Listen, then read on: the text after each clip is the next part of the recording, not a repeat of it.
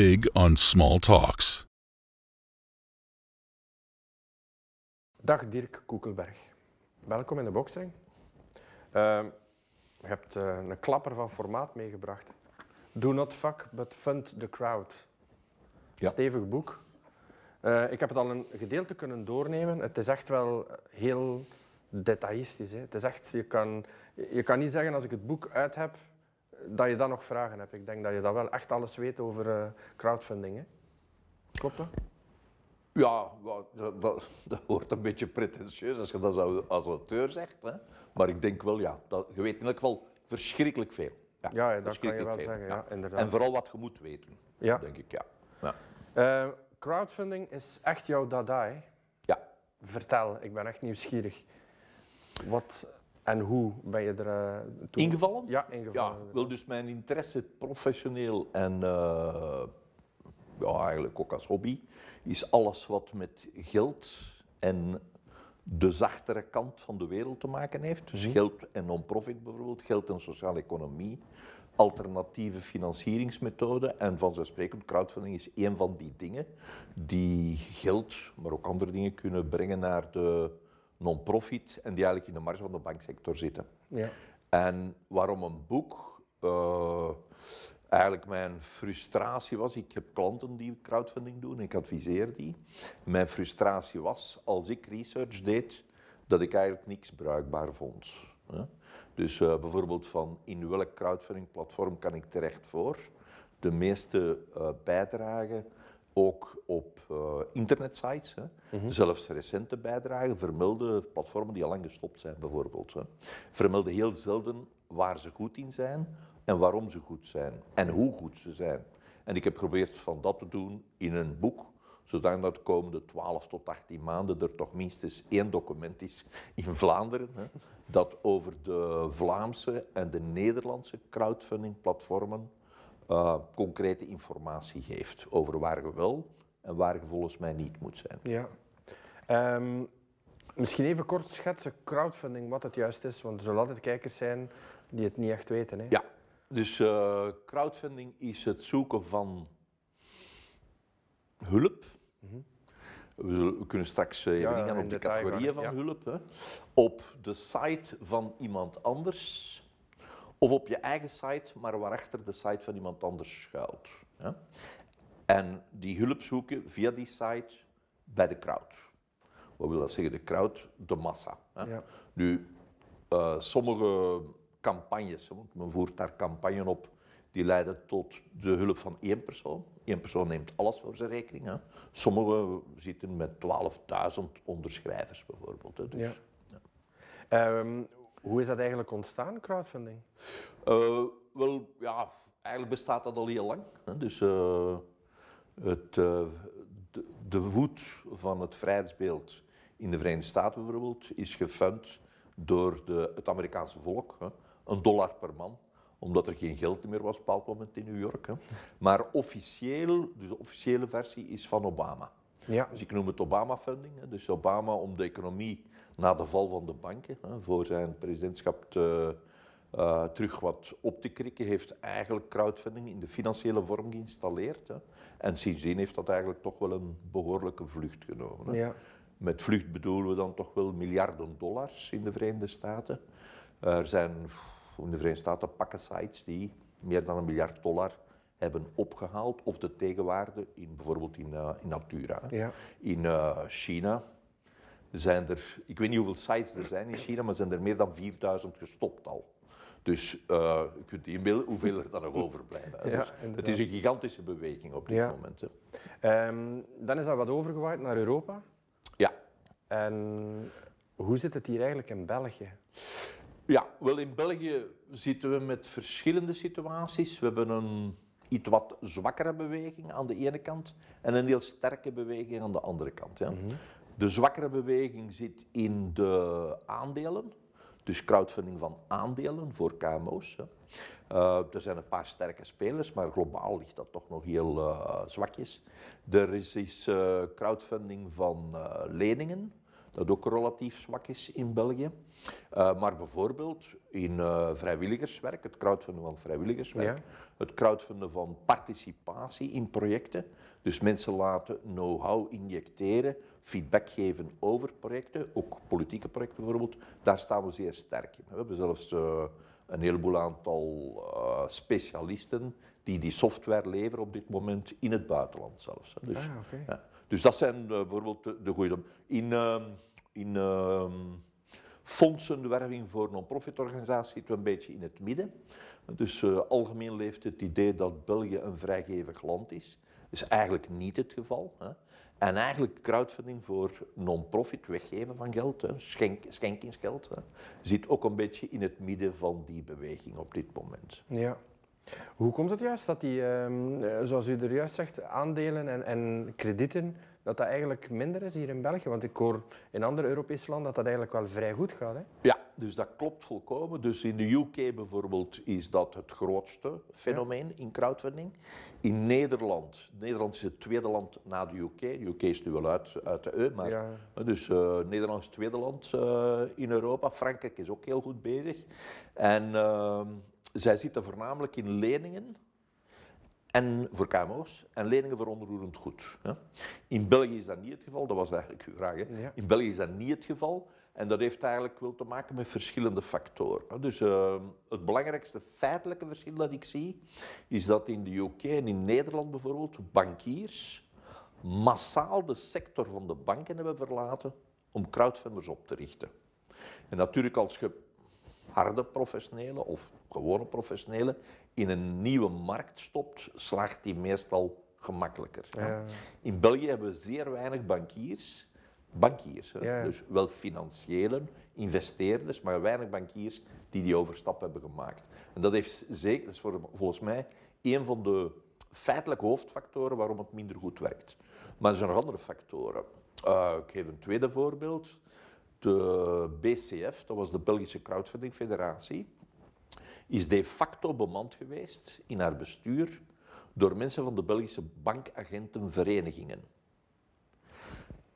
Het was natuurlijk niet gemakkelijk voor de financiële sector om te starten met crowdfundingplatformen die dan moesten aansluiten bij een bestuur, bij een VZW, waarvan het bestuur in handen was van de bank, zelfstandige bankagenten. Ja. hè. Dus de BCF is ondertussen ook opgedoekt, heeft nooit echt veel succes gehad. Eh, ik denk dat dat zeker ook een remmende factor is geweest. Hè.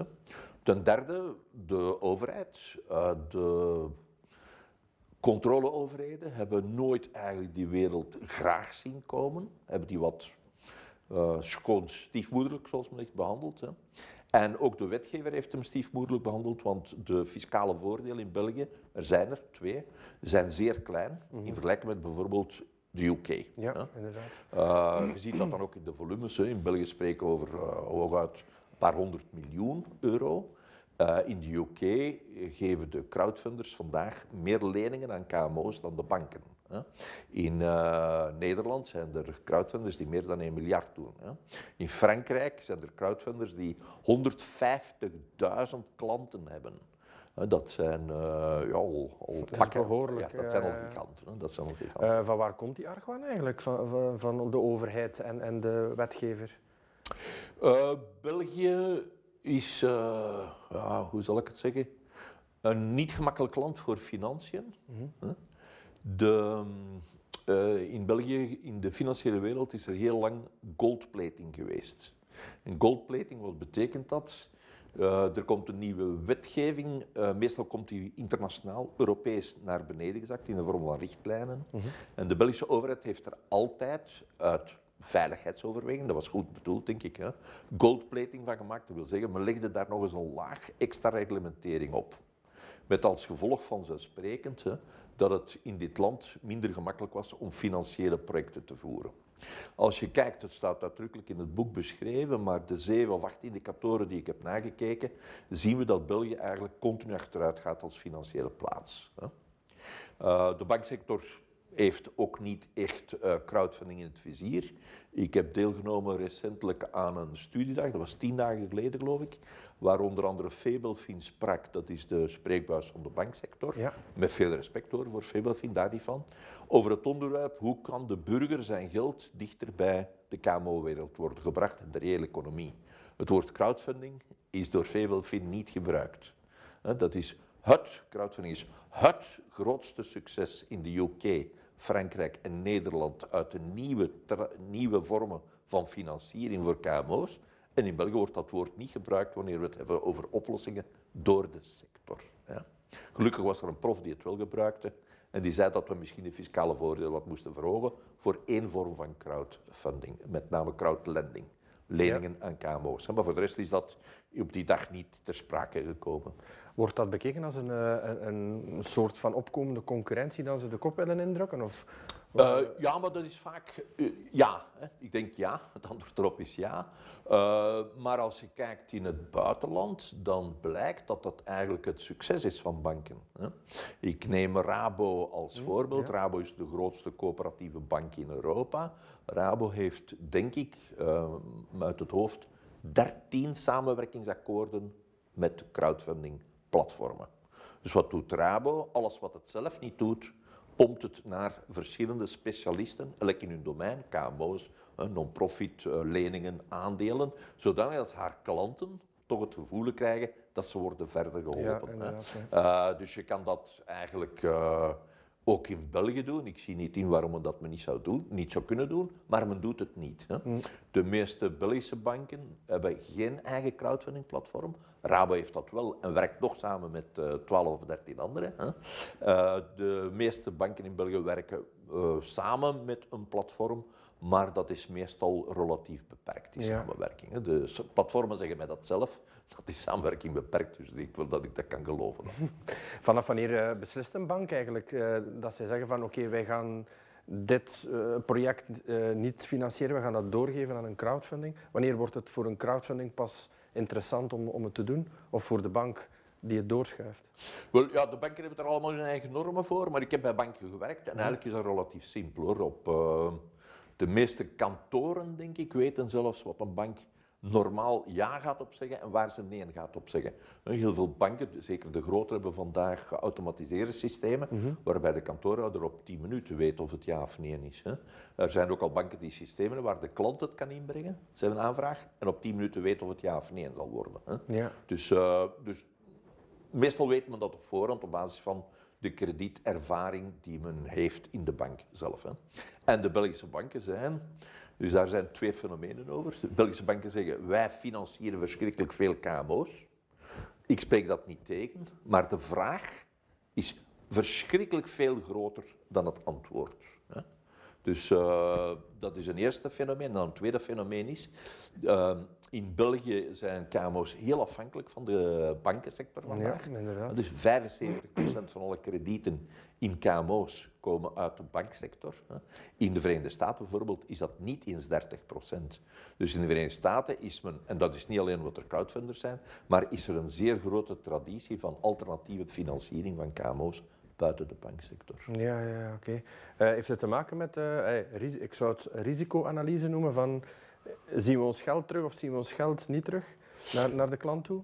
Ehm, Dat ze het eerder hier doorschuiven? Ik zou zeggen in theorie wel. In praktijk denk ik eigenlijk van niet. Omdat sommige crowdfunders, zelfs grote, betere risicoratio's hebben dan banken. Ik bedoel daarmee, eh, ik ga geen banken noemen hoor, en Nee, ook nee, geen nee. crowdfunders. Maar eh, bijvoorbeeld KMO, pre-contentieux en contentieux op KMO's. Er zijn banken die tot twee à drie keer meer risico hebben. Men kan dat zien aan de achterstallige kredieten en de kredieten die moeten worden afgeschreven, dan bijvoorbeeld crowdfunding-platformen. hè. Eh, maar het heeft zeker te maken met het feit van, ja, we kunnen dat misschien moeilijker beheersen. Eh, God, wat gaan we allemaal niet binnenkrijgen? Hè? Eh, dat is toch die alternatieve wereld. Daar heeft, het heeft zeker te maken met, het, met angst rond de nieuwe alternatieve wereld. Ja, dat is zeker. Ja. Ja. Lijkt mij dan op het eerste zicht het ongekende dan voor de klassieke banken. Iets van crowdfunding, iets onbekend, iets moeilijk in, in kaart te brengen. Hoe groot of hoe breed dat het ook is. Is het zoiets? Ja, waarschijnlijk. Hè. Dus, eh, we- ik- ik zal de bank niet noemen, er is een bank die een eigen crowdfunder heeft. De volumes van die crowdfunder zijn zeer klein. Ja? Het is, hij is niet bij de eerste drie crowdfunders in België, denk ik, in zijn domein. Hè. Uh, waar je normaal, als je een zeer grote bank achter u hebt, als die alles doorgeeft aan haar crowdfunder wat ze zelf niet doet, en dat is meestal toch een hele pak, dan zou daar een groot volume moeten uit voortvloeien. Hè. Ja. De grootste crowdfunders in België, uh, in de financiële markt, dus aandelen en uh, obligaties of leningen, die hebben geen bank achter zich. Dus ze zijn groter dan de crowdfunding-platformen die een bank achter zich hebben. Wat dus maakt dat er echt iets, vanuit die banken schort er iets duidelijk naar de betrokken crowdfunders. Ja. ja. Hoe zit het eigenlijk um, in België gesteld met de crowdfunders? Heb je er, zijn het er veel of zijn het er heel weinig? Is er een heel groot verloop van opstartende, degenen die dit, de, de markt weer verlaten? Ja, dus uh, in totaal hebben we ongeveer 200 crowdfunding-platformen gevonden. Nu, daar zitten twee grote groepen in. Mm -hmm. Dat, uh, de externe en de interne zal ik ze noemen. De externe zijn diegenen die uh, losstaan van een non-profit organisatie. Dus die een eigen organisatie op zich vormen en die een platform ter beschikking stellen van honderden, duizenden projecten. Hè. De interne, dat zijn de crowdfunding platformen die door meestal non-profit organisaties ofwel naast hun eigen website worden gezet, -hmm. ofwel in hun website worden verwerkt. Ja, ja. Ja? En waarin verschilt dat dan van gewone funding zoeken? Want een gewone site zoekt vanzelfsprekend ook wel geld. Van zodra men de mogelijkheid geeft aan mensen om een eigen project op de site te zetten, wordt het crowdfunding. Ja? Het, wordt fonds, het is fondsenwerving als je dat niet kan doen met een eigen project. Ja, Ik geef een voorbeeldje.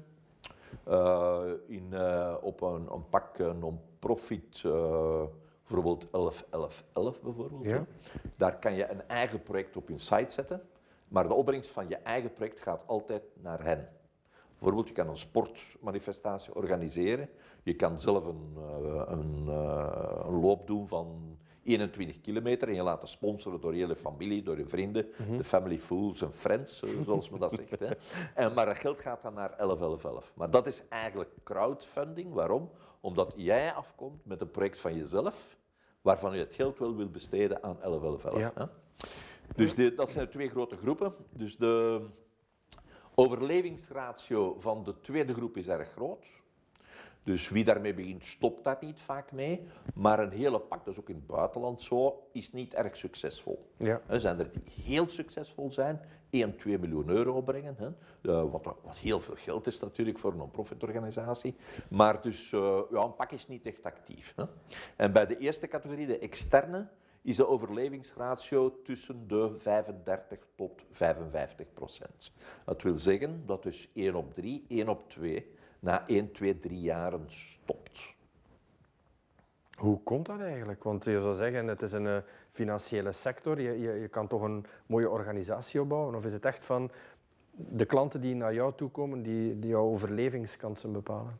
Ja, uh, het is vooral denk ik het volume. Hè? Dus de, diegenen die gestopt zijn, um, maar een zelden grote uh, platformen. Dus de, de, platformen die overleven zijn meestal platformen die voldoende volume draaien. Uh, zij het dan dat de meeste ook nog niet echt zwaar rendabel zijn. Er zijn er wel een paar die rendabel zijn, maar de meeste zijn niet rendabel vandaag. Hè. Dus dat wil zeggen dat de projectvoerders, de mensen die het hebben opgestart, eigenlijk elk jaar dezelfde geld moeten bijsteken. Hè. De, er zijn er ook die veel volume hadden die gestopt zijn. Bijvoorbeeld het legendarische Sandawe. Sandawe was een crowdfunder specifiek voor de uitgifte van het uitgifte en het drukken, het verzorgen van de. Hoe heet dat? Tekenboeken? Ja, strips. Strips, ja, ja strips, sorry, ik zocht het woord. Nog geen probleem. Maar strips, dat was volgens mij het grootste platform in Europa. En ondanks het feit dat het grootste platform is van Europa, is het er toch mee gestopt. Dus dat had relatief veel volume. Een strip financieren kost gemakkelijk zo'n 1000, uh, uh, 40.000 euro, denk ik. Ja. Dus dat is toch wel wat geld. Ja, ja, Daar moet je wel strips voor uh, verkopen. Uh, en uh, die is ermee gestopt omdat hij niet genoeg erop verdiende. Lees, en verloor er geld aan eigenlijk, Sandawe. Ja. Um, Die markt is overgenomen ondertussen en eh, dat is eh, een, punt dat ik in het boek ook vaak aanhaal, door wat men noemt generieke crowdfunders. Dus generieke crowdfunders zijn crowdfunders die meer dan één markt doen. Het Sandabe deed alleen maar strips. Ja, ja. De generieke crowdfunders uit Frankrijk bijvoorbeeld hebben de Sandawe-markt, die zich voornamelijk op Frankrijk en Wallonië richtte. Het, waren, het was een Waals initiatief, hè, hebben die overgenomen en die doen het vandaag beter. Dus die doen nog meer volume en die hebben een zeer hoge, wat ik noem, eh, realisatieratio. Ja. Dus op 100 projecten doen die vaak eh, 60, 70, 80 pro- procent van de projecten die ze realiseren. Wat zeer goed is. Hè. Dus het, eh, het internationale gemiddelde ligt denk ik rond de 30 procent vandaag. Dat wil dus zeggen, op, op 100 projecten worden er maar 30 gefinancierd. hè. Ah ja, oké. Ja. Hoe komt het dat het eigenlijk zo weinig is? Eh, Of ja, is het nu omdat je dat zegt, is dat bij de banken ook zo? Als je zegt van we, we gaan een project indienen bij de bank, is dat ook ongeveer diezelfde percentage? Goh, daar heb je twee stellingen in. hè. Ik ga ze allebei geven. Ja? De visie van de banken is, wij doen tot 80, 90 procent van alle kredietaanvragen die worden ingediend. De visie van de zelfstandige bankkantoren is, wij dienen alleen de projecten in waarvan we denken dat ze zullen worden gerealiseerd. Wat wil dat eigenlijk zeggen? Dat de kantoren heel vaak een buffer vormen tussen de hoofdzetel die beslist, of de, of de machinerie die beslist, Ja. en de klant. Hè. En dat zij weten uit ervaring, dit soort van projecten wordt niet eh, aanvaard, dus gaan we er ook geen tijd in steken. En ze hebben daar gelijk in ook, het heeft weinig zin om dag in dag uit te werken op projecten waarvan je denkt dat ze op voorhand toch gaan geweigerd worden, omdat je al ervaring genoeg hebt ondertussen. Hè. Eh, dus die, eh, de werkelijke weigeringsratio ligt waarschijnlijk veel hoger dan wat de banken weten of zeggen. Ik weet niet of ze het echt weten, maar ik ben bankier. Ik kende dat verschil wel. Dus ik heb ook altijd 80% eh, procent van de dossiers gedaan. Maar mijn kantoren zeiden mij continu dat zij zelf een heleboel van de dossiers tegenhielden. Ja. Ehm, is crowdfunding iets voor de toekomst? Gaan we, gaan we dat stilaan zien groeien? Wordt dat een, een, een concurrent? Ja? Wordt dat een gelijk als de banken? Ja, dat denk ik wel. Eh, ja, in sommige landen is het, zit het al boven de bank. Hè. Dus in de UK bijvoorbeeld, Ja, dus geeft meer ja. leningen aan KMO's via crowdfunding. Dus particulieren geven meer lening, leningen aan KMO's via crowdfunders dan de banken met het geld van de mensen. Ja, dat is toch wel een sterke evolutie. Ik denk dat het ook komt voor België. Eh, dus in België zijn eh, een paar platformen zeer actief. En dat zijn geen Belgische platformen. En bijvoorbeeld het grootste platform in aandelen in België is Lita, L-I-T-A.be. En dat is een dochter van een Franse crowdfunder. Het is een Belgisch platform met een Belgische toelating, maar het is een Franse groep. Hè. Ja. Dat is dus de grootste in aandelen vandaag. Hè. Ik denk dat dat verder zal groeien. Waarom? In eh, november, denk ik, is het, komt een nieuwe Europese richtlijn van kracht die eh, automatisch ehm, platformen die een toelating krijgen volgens die nieuwe reglementering of een oude hebben die past in die nieuwe, automatisch in een andere lidstaat van de EU business kunnen gaan doen. Tot nu toe was het zo dat een Frans eh, platform een Belgische toelating moet vragen en dat de Belgische controleautoriteiten daar een aantal bijkomende goldplating voorwaarden kunnen aan koppelen. Dat zit in hun bevoegdheid en ze doen dat ook. Ja. Een van de voorwaarden die ze bijvoorbeeld stellen is, je moet een, een eh, adres hebben, een kantoor hebben in dit land. Ja, ja. In de, vanaf no- november, laten we zeggen, zal dat niet meer nodig zijn. Dan moet je gewoon aanmelden. Hè. Dan kunnen dus alle buitenlandse platformen gewoon aanmelden in België dat ze komen werken. Als ze een toelating hebben in hun thuisland. En dan kunnen ze automatisch in België gaan werken. Ja. Ik vermoed dat dan de Belgische markt zal worden meer ontslo- ontsloten. Ja. Ja, ja oké. Klopt het? Ik heb me al laten vertellen dat, een, dat eigenlijk iedere crowdfunding uiteindelijk een bank wordt. Eh, iedere crowdfunder een bank, Ja. bedoel je? Ja, er zijn er zeer grote op dit moment. Blijkbaar dus- in Engeland zijn er toch al een, Ja, aantal die het, dus de die- banklicentie, of, of, of dat je het ook noemt, aangevraagd hebben. Ah ja, maar, ja, maar, maar ja, dan God dan dan beslissen om een bank te worden. Een bank zullen ze volgens mij nooit worden tenzij ze een banklicentie aanvragen. Omdat een bank toch wel een veel bredere eh, de meeste banken nog wel, een veel bredere rol hebben. Hè. Bijvoorbeeld vermogensbeheer, Ja. Eh, kredietverlening. Een bank doet kredietverlening op haar eigen risico's. Ja. Dus nu zijn crowdfunders dat dat ook doen, want die zijn er al. Maar de meeste verlaten de risico's in de boeken van hun klanten zitten. Hè, Jij als particulier schrijft in op een lening die een crowdfunder aanbiedt. Het risico zit bij jou, niet bij de crowdfunder. hè. Ehm, dus de eh girorekeningen bijvoorbeeld ook, hè, dus eh, uitgifte van kredietkaarten. Dus dat is toch wel een heel andere activiteit. Ja. Dat ze even belangrijk kunnen worden dan banken voor de KMO-wereld, dat staat buiten kijf. Ja. Dat denk Ja. ik zeker wel. Ja. En voor de non-profit ook. Er zijn weinig banken die de non-profit financieren. Ik heb eh, in Frankrijk een voorbeeld gegeven van iemand die 150.000 klanten heeft. Dat zijn VZW's. België heeft 150.000 VZW's. Dus dat is een hele Belgische Dat is een markt. Belgische markt. crowdfunder zit in Frankrijk. Hè. Ongelooflijk. Dus, dus eh, Ja.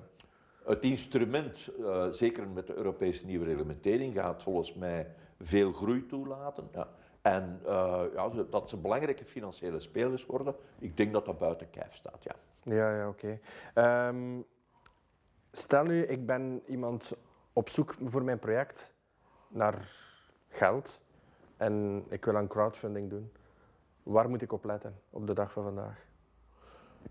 Ja, dus dan, dan is mijn eerste vraag, eh, wat voor geld wil je? Eh, aandelen, eh, leningen, schenkingen. Ja, inderdaad. Of in geld waardeerbare goederen bijvoorbeeld. Hè. Dus wil je expertenadvies gratis van advocaten en dergelijke meer. Hè. Dus, dus je, moet eerst gaan kijken van wat wil je hebben. Hè. En dan kun je naar de verschillende sites gaan die dat soort van crowdfunding brengen. Hè. Het is een slecht idee, stel dat je mij zou antwoorden, ja ik heb geld nodig, maar ik heb ook advies nodig, vrijwilligerstijd nodig en eh, een paar meubelen, of Ja. maar iets. Hè. Ja. Met een nieuwe startende KMO en je wilt je boxring uit Ja, stel je voor, ja. installeren, hè, stel je voor.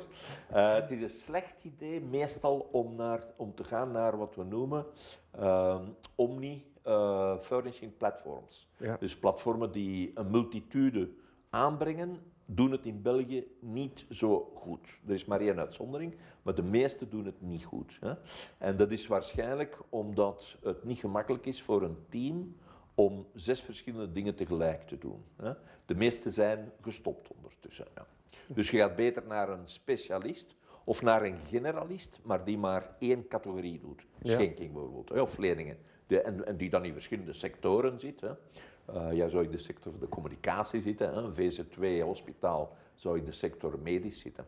In mijn boek vind je een analyse per sector.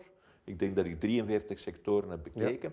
Van wat je waar kunt vinden, bij wie en welke platformen al gestopt zijn en waarom sommige platformen beter zijn dan andere. Hè. Nu, voor sommige platformen, dat is een mogelijke kritiek op het boek. Ik ben altijd zelf vrij kritisch voor mezelf. Voor sommige platformen staat er geen evaluatie in. Waarom? Omdat sommige platformen het quasi onmogelijk maken om hen te evalueren. Ah, oké. Mogelijkerwijs doen ze dat bewust, hè, dus, maar de software zit zo in elkaar dat, je, dat ik bijvoorbeeld in 10 uur niet kan uitmaken of dat nu eigenlijk een zeer performante site is of niet. Hè. Eh, bijvoorbeeld een van de dingen die je daarbij helpen is eh, slaagratio's. Eh, op 100 projecten die erop komen, hoeveel worden er gefinancierd? Er zijn sites die dat voor jou berekenen. Er zijn sites waar je het kunt controleren zelfs. Hè? Dus dat doe ik dan ook altijd. Tenzij het gaat over 15.000 projecten, dan wordt dat manueel tellen wat moeilijk. Hè? En er zijn ook sites waar je gewoon geen research kunt op uitvoeren, omdat bij, na 10 of 100 projecten begint die site te draaien en krijg je de projecten in een andere volgorde. En dus je, kunt, je moet dan bijna beginnen screenshots nemen of een hele database aanleggen op basis van wat je doet. En dan ben je daar wat, twee maanden mee bezig, denk ik, voor je eigenlijk een of andere controle kan geven. Maar goed, oké. Eh, het zij zo. Dus, eh, eh, mijn ervaring is, de sites die het meest transparant zijn, zijn vaak ook het meest succesvol. Ja. En is dat niet altijd zo? Als we succes hebben, hangen we het graag buiten. hè. Ja, als je als, je als bedrijf, want ik ik ga nu even terugkoppelen naar bedrijven en jonge start-ups. Ehm, zeker in deze tijden wordt het moeilijk om bij een bank langs te gaan van hey, klop, klop, ik wil graag een, een, een nieuw bedrijf opstarten. Denk ik dat veel van die start-ups op zoek gaan naar crowdfunding. Ehm, Ja. Is het belangrijk dat het een, een goed onderbouwd dossier is als ze naar een, een crowdfunder stappen? Ja, maar, maar uh, vooraf misschien moet ik toch zeggen, start-ups worden meestal niet gefinancierd door crowdfunders. Oh, sorry. Dat ik, uh, ja. ik dacht eerder jonge bedrijven dan een, een oud ja. bedrijf. Dat, dat... Ja, ja, maar men doet jonge bedrijven. Hè, dus maar de meeste crowdfunding sites, zeker in België, beginnen meestal na drie jaar operationaliteit met een positieve cashflow of met winst of met een minimumzakencijfer van mm -hmm. zoveel. Hè. Wat dus betekent dat je in je prille jeugd als bedrijf meestal op jezelf bent aangewezen. Er is misschien een uitzondering, dat is win-winner. Uh, uh, daar zitten win-win leningen op, die een relevant fiscaal voordeel bieden aan de onderschrijver. Uh, win-win leningen zijn eigenlijk bedoeld voor de typische VRF's, fools, families, friends, fans. Hè. Mm -hmm. En als, ik zou zeggen, als start-upper moet je naar een win-win lening gaan. Uh, in de crowdfunding zou het dan betekenen hoogstwaarschijnlijk win-winner. Uh, er zijn nog een paar die ertoe, maar die daar minder gespecialiseerd in zijn. En dan kan je bij vrienden en kennissen een fiscaal voordelige lening afsluiten, die daarboven tot 40% gegarandeerd is door de Vlaamse overheid vandaag. Hè. Mm -hmm. uh, dat is, ook dat is nog niet evident hoor voor uh, beginners, want niemand steekt graag zijn geld in een bedrijf dat zich nog moet bewijzen. Hè. Er is misschien één grote uitzondering, dus crowdfunders in het buitenland doen veel starters, en vooral als het gaat over technologie. Ja. Dus als je een schitterend technologisch idee hebt, dat zeer innovatief is, hè, daar wordt heel vaak opgesprongen. Ja, merk je meer en meer, hè, dat de techbedrijven wel uh, upcoming zijn en dat die wel ja. zwaar ondersteund worden. Ja, als je in twintig bedrijven wat investeert en er is er één dat slaagt, dan heb je je geld duizend keer terug. Hè. Ja. Want een tech-startup die slaagt, die is direct enorm veel geld waard. Ja, inderdaad. Um, Dirk, hoe zit het nu? We zitten nu in die lange covid-periode. Er zijn heel veel bedrijven die in de problemen geraakt zijn, bedrijven die verdwenen zijn van de markt, jonge bedrijven die er ondertussen bijgekomen zijn. Um, waar en, en, en hoe kunnen die een, een, nieuwe investeringen gaan halen op dit ogenblik? Er zijn veel banken die hun, hun, hun niveau helemaal opgetrokken hebben, veel strenger ja. beleid voeren. Uh, ja, ja, de banksector geeft dat niet helemaal toe, denk ik. Hè? Ja, klopt, blijft zeggen dat ja. zij full, fully geïnvesteerd zijn. Ja. Uh, maar je mag niet vergeten, er zijn dus twee fenomenen die daar toch wel spelen. Het eerste is, sommige Belgische banken financieren in het buitenland. Dus gebruiken Belgisch geld om in het buitenland kredieten te geven. Er is een uh, bank die, denk ik, twee dagen geleden in de pers stond en die toegaf dat haar kredietportefeuille in het buitenland bijna even groot is dan haar kredietportefeuille in België. Dus als Belgische banken zeggen wij zijn fully invested, hebben ze misschien wel gelijk. De Maar vraag is alleen Belgische waar. niet op de Belgische markt, dus Sorry, blijkbaar. nu was ik even je vraag kwijt. Ehm, wel, bedrijven, eh, eh, we spraken van jonge sta- eh, bedrijven Covid, die ja. verdwenen zijn. hè. Ja, dus eh, ja, eh, het is. eh, ik zal een voorbeeld geven misschien. De Nederlandse, in België ziet je dat bijna niet, maar de Nederlandse markt ondersteunt de horecasector nog altijd even sterk met crowdfunding. Ik weet niet hoe het in de banksector is, met crowdfunding als voor de COVID-crisis. Maar je ziet een shift. De crowdfunders hebben zich verlegd van restaurants, de traditionele horeca, naar thuisleveringsrestaurants of afhaalrestaurants. Ja. Wat wil dat zeggen? De dossiers zijn gemiddeld wat kleiner geworden. Waar je vroeger een uh, tea-room had of een restaurant met 50 plaatsen bijvoorbeeld, financiert men nu een kleinere uh, handelszaak hè, voor takeaway. Mhm. Uh, bijvoorbeeld, uh, ik, ben, ik sta versteld over het aantal Japanse restaurants dat de pan uitswingt, meeneemrestaurants hè, in Nederland. Hè. En via crowdfunding wordt gefinancierd. Hè. Meestal zit dat in een soort van een keten, die uh, à la Prémaman, dus waar men een franchising op toepast, Mhm. waar je een zeker onderhoud moet hebben als uh, kok, waar je wordt gevalideerd in je kennis, waar je wordt geholpen in, de, in je métier. Maar dus er zijn toch nog wel wat mogelijkheden. En dat is een eerste mogelijkheid. De markt is verschoven, maar werkt nog. Hè. Een tweede mogelijkheid is dat je uh, beroep kunt doen op uh, crowdfunding ook voor sales. Dus uh, We weten dat het vandaag niet gemakkelijk is om mensen in uw winkel te krijgen, meer zelfs. Hè. Je moet vandaag in België afspraken maken. Niet normaal, maar. Ja, zoals ze zegt, ja, het is geen normale tijd ook niet. Hè. Dus eh, crowdfunders eh, doen ook aan sales. Wat dus wil zeggen, je hebt een nieuw product. Dat kan je, vroeger kon je dat niet, maar nu kan je dat uittesten in de markt. Je gaat naar een crowdfunder, je zit op de crowdfunding site, hè, als je wordt aanvaard vanzelfsprekend, uh, en je zegt oké, ik heb duizend producten te koop. Die kan je daar zetten en zien, oeh, is daar interesse voor of niet? Je kan zelfs een prototype van je product erop zetten en vragen, dan krijg je participatie aan mensen wat ze ervan denken. Ja. En hoeveel zouden willen voor betalen. Dus daar ook si- sites voor die dat, dat doen voor jou. En die dus eigenlijk met jou, jouw product, ehm, jouw nieuwe producten of diensten ook, hè, mee aftasten met de markt. En finaal kan je het er ook plaatsen en verkopen. In de Ja. Verenigde Staten, van, ik weet niet van je sokkenwald, maar in de Verenigde Staten zijn er producten die worden voor het eerst op de markt gebracht. Bijvoorbeeld een nieuwe fiets, een nieuwe fietshelm, een eh, motorjacket hè, met een bepaalde technologie, waarvan er tot 20 miljoen dollar wordt van verkocht in een paar maanden tijd via crowdfunding sites. Oké. 20 miljoen dollar. Hè. Eh, je hebt er ook producten uit Hongkong, dat gaat in Hongkong-dollars. Eh, of Australische dollars, hè, maar dat is echt toch wel.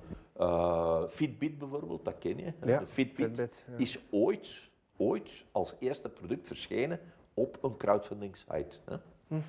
Eh, die wereld van de sales is zo groot geworden dat Bezos met zijn gigantisch apparaat. Hè. Vandaag bijvoorbeeld, ik denk dat het Kick, in het boek staat het omschreven, ik denk dat het Kickstarter is. Dus mensen die succes hebben gehad met hun nieuwe producten op Kickstarter, dat die na Kickstarter bij hem mogen komen en in zijn distributieapparaat mogen kruipen. Dus alleen de succesvolle, gedistribueerde nieuwe producten pikt hij op hè, en laat hij in zijn keten ook verkopen. En dan zit je natuurlijk met een nog veel grotere markt dan de Verenigde Staten, dan zit je met een wereldmarkt natuurlijk. Ja, inderdaad. Dus die sales is toch wel een eh, machtig instrument, denk ik, hè, om ervoor te zorgen dat KMO's eh, bijkomende verkoopskanalen krijgen. Eh, België is heel klein, een groot stuk van onze economie is export. Wel, ik denk buitenlandse crowdfunders hè, zijn heel goed geschikt, denk ik. Frankrijk bijvoorbeeld is heel goed geschikt om aan sales te doen in Frankrijk. Hè. Ja. Zie je die markt, eh, zeker nu, eh, wat we nu de laatste jaar mee, zie je die markt nog verschuiven, nog meer verschuiven van eh, crowdfunding? Naar crowdfunding bedoel en, ik en ja. ook intern, en Ja, zoals u zegt, wel te weinig in België, maar in het buitenland ziet je dat, ziet je dat dus komen. Hè? Ja.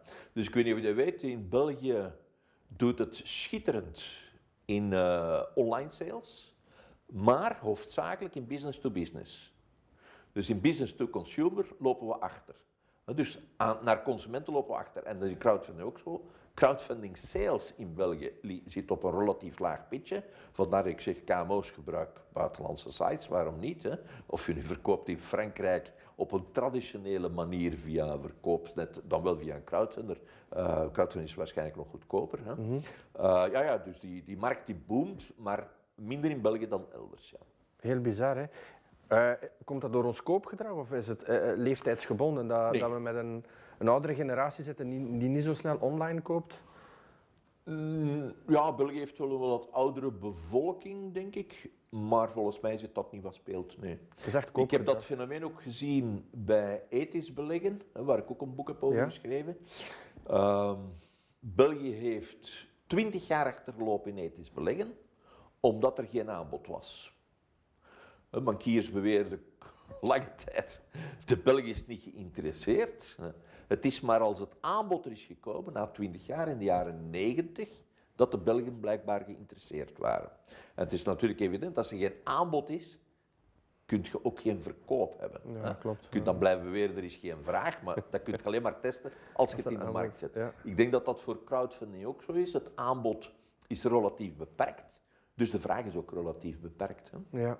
Vergeet niet, eh, België is een prachtig land. Er is, deze morgen stond er in de kranten, denk ik, of op internet, dat de Belgen ongeveer 650 miljard op hun spaarboekjes en girorekeningen hebben. Niet normaal, hè? Dat is meer dan de uitstaande kredietverlening in België. Dus de Belgen zouden met het geld dat ze Over particulieren. Hè. De KMO's Ja, hebben ook nog eens 250 miljard. En dan hebben we nog een aantal rijke mensen in het buitenland. nog Ja, een paar- inderdaad. een paar miljardjes liggen. Hè. Dus de Belgen zouden zelf een verdubbeling kunnen doen van de financiering in België. Nu, zover moeten we niet gaan. Dat zou dan disproportionele risico's aannemen. Maar ze zouden dus een heel groot stuk van de financiering zelf in handen kunnen nemen. Zoals we dat zien in de UK, zoals we dat zien in de Verenigde Staten vandaag. Ja. Zijn wij voorzichtige spaarders? Eh, ja, en- ja, zou ik zeggen, maar de, de, de banken leggen deze morgen uit. De, het, spaargeld, het spaargeld stijgt niet meer. Ja. Het geld op de girorekeningen stijgt. Waarom? De Belgen zien de, eh belang er maar in om te sparen, want het brengt toch Brengt niks op. niks op, ja. Nu moet je weten dat eh goede sites, ik bedoel sites die quasi geen contentieux hebben, die geven toch wel rendementen tussen de 3 tot de 7 procent. Als je dat in, als je, als je een goede spaarder bent, je hebt 300.000, 400.000 euro liggen bijvoorbeeld vandaag, hè, dan kan je toch gemakkelijk 50.000 euro beleggen, denk ik, denk ik persoonlijk. Hè. Eh, Het hangt een beetje van je risicoprofiel af, je plannen in de toekomst, maar dan heb je toch nog veel liquiditeiten in eh, bijvoorbeeld eh 1000 of 2000 KMO's. Je risico is zeer gediversifieerd, je rentevoet is hoog, hè. Eh, je risico is relatief laag. Ik zou zeggen, eh, de kans dat jouw geld verdwijnt in 1000 KMO's geïnvesteerd is kleiner dan dat je bank failliet gaat. hè. Eh, ben toch wel behoorlijk eh, afgelopen dat is 15 waar. jaar wat Belgische banken in problemen Ja, geraakt. absoluut, absoluut. Eh, er zijn ook veel KMO's in problemen geraakt, maar het, is- het, allee, dat die hele portefeuille van KMO's in problemen geraakt, dat lijkt mij moeilijk. Ja. Ehm, als ik je boek wil kopen, dit boek, wat mag ik er dan in verwachten? Wat staat erin? Ja, dus de eerste 80 pagina's zijn generieke informatie. Eh, wat is crowdfunding? Hoe werkt dat? Eh, wat soorten zijn er?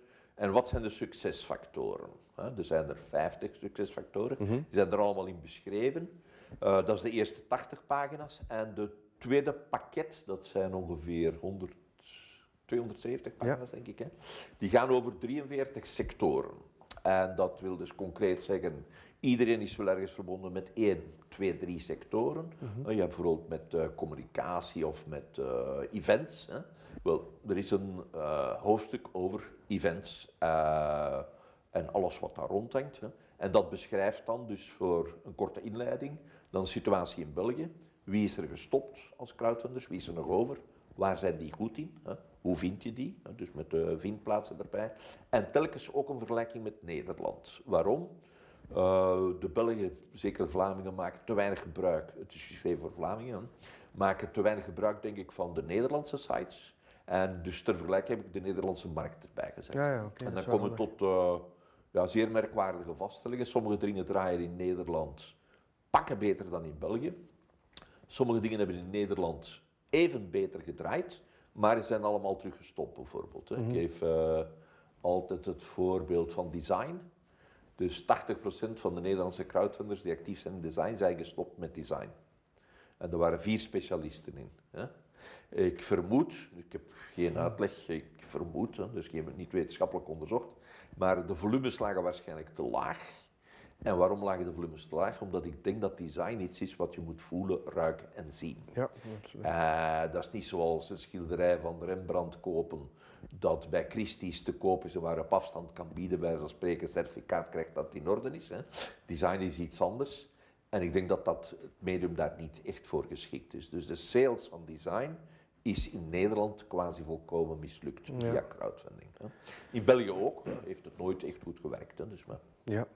En voor wie is het boek eigenlijk geschikt? Is het voor de beginner of is het echt voor de, de professional die, die, die zich toegespitst heeft op crowdfunding? Ik, ik denk dat iedereen het kan gebruiken. Ja, Ja, Dus eh, de gebruiker, dus de mensen die zeggen, ik zou willen gaan crowdfunden. Mhm. Dus ik zoek kapitaal, eh, lening, ik zoek eh, materiaal, ik zoek giften, ik zoek vrijwilligers. Hè. Dus wat je ook zoekt, het komt in het boek aan bod. Eh, ten tweede is het uitermate ook geschikt, denk ik, voor de non-profit sector. Ik citeer denk ik 25 sectoren waar specifiek uh, zeer uh, grote aantallen non-profit actoren in werken. Het is geschikt voor KMO's. Er staat in welke sites fungeren, welke niet en wat de criteria zijn. En het is eigenlijk volgens mij zelfs geschikt voor mensen die nieuwe crowdfunding platformen willen oprichten. Ja. ja. En, want er staat in wat, wat, allemaal niet heeft gewerkt. Dus je ja, moet juist werk niet doen. Hè. Voor een paar tientallen euro's weet je dat al snel. En dat tot slot is het ook een uitnodiging voor de bankiers.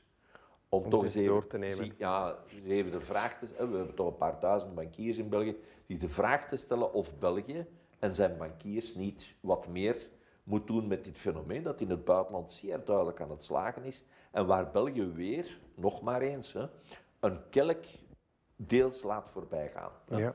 En België heeft het dringend nodig. Ik heb het in het boek opgezomd. KMO's en profitkredietverlening zit zwaar in de problemen. Dat zijn studies die ik niet heb gemaakt. Dat zijn studies van anderen die ik citeer, van zeer grote huizen, die dat stellen en die de pers weinig aan bod komen. Dus ik heb ze allemaal een keer opgezomd wat de problemen zijn. Toch? Ja, heel fijn. Dirk, mag ik jou danken voor je bezoek en je fijne babbel. En ik wens je heel veel succes met het verkoop van het boek. Dank u. Het ik is een aanrader. Ik, ik vond het leuk in de boksring. En ik vond het ook fijn dat ik niet KO was geslagen. dankjewel, dankjewel. Dankjewel. The Box Ring. Big on small talks.